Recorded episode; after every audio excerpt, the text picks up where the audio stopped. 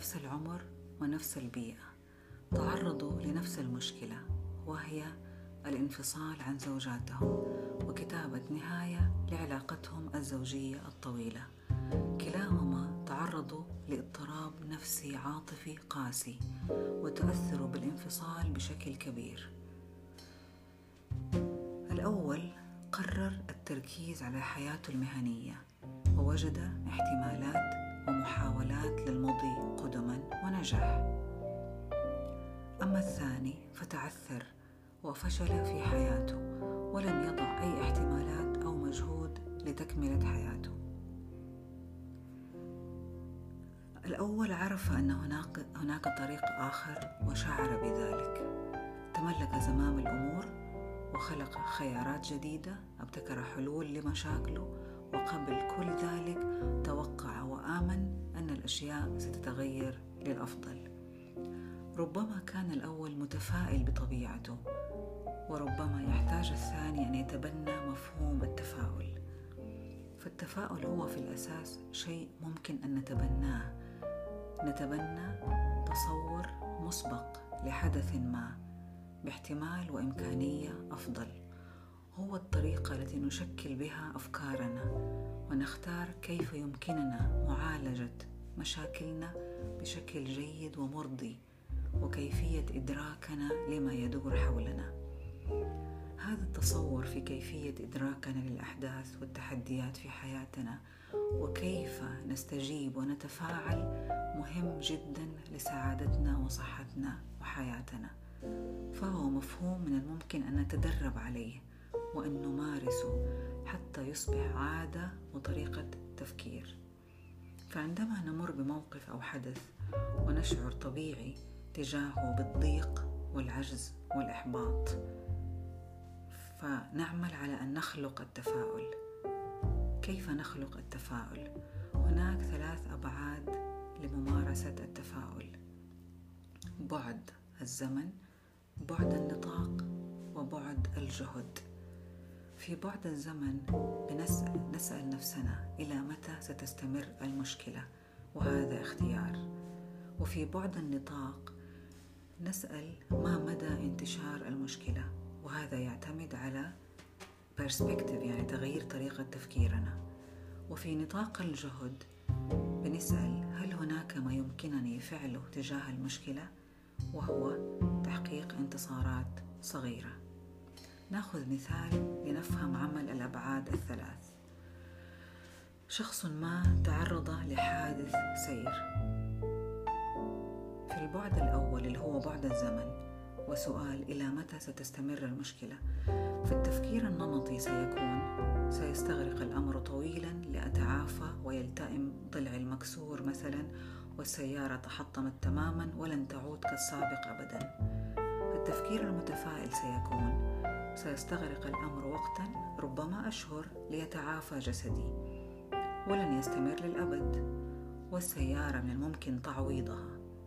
فهنا اختيار وقت محدد لتصور مسبق لوضع أفضل. في بعد النطاق. وسؤال ما مدى انتشار المشكلة؟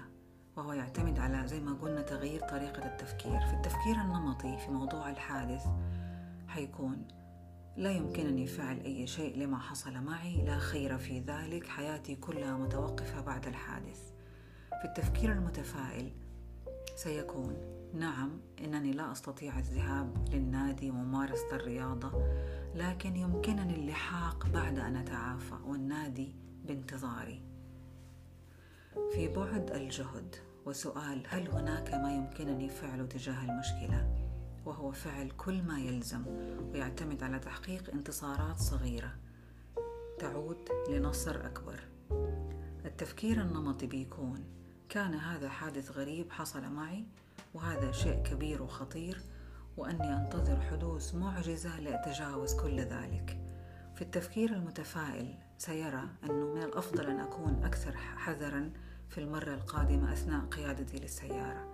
وفي الوقت الحالي سأركز على نفسي وأقوم بعلاجات متاحة لي وأفعل كل ما هو ممكن لأسترد عافيتي فهذه هي الأبعاد الثلاث من زمن ونطاق وجهد. ممكن قياسها على أي موقف موقف وتحدي نمر به. فالأشخاص المتفائلون لديهم قناعة داخلية فاعلة تخدم تطورهم وتقدمهم. وهم يعيشون حياة مستقرة سوية يتوقعون الخير خلف كل شيء يملكون تصور ذهني مشرق ومتنور ينظرون للأحداث والمواقف باعتدال وتوازن يبحثون عن الفرص أكثر من بحثهم عن المشكلات وهم أشخاص أكثر مرونة وأكثر نجاح يملكون صحة أفضل وعلاقات أقوى. فالتصور التفاؤلي مهم جدا في الوقت الحالي. وهو اختيار مكتسب يتطلب ممارسة وتدريب ذهني. فإذا مارست التفاؤل لفترات طويلة سيتغير مستوى تفكيرك. هذا ما جاء في مجلة Psychology Today في في دراسات بينت.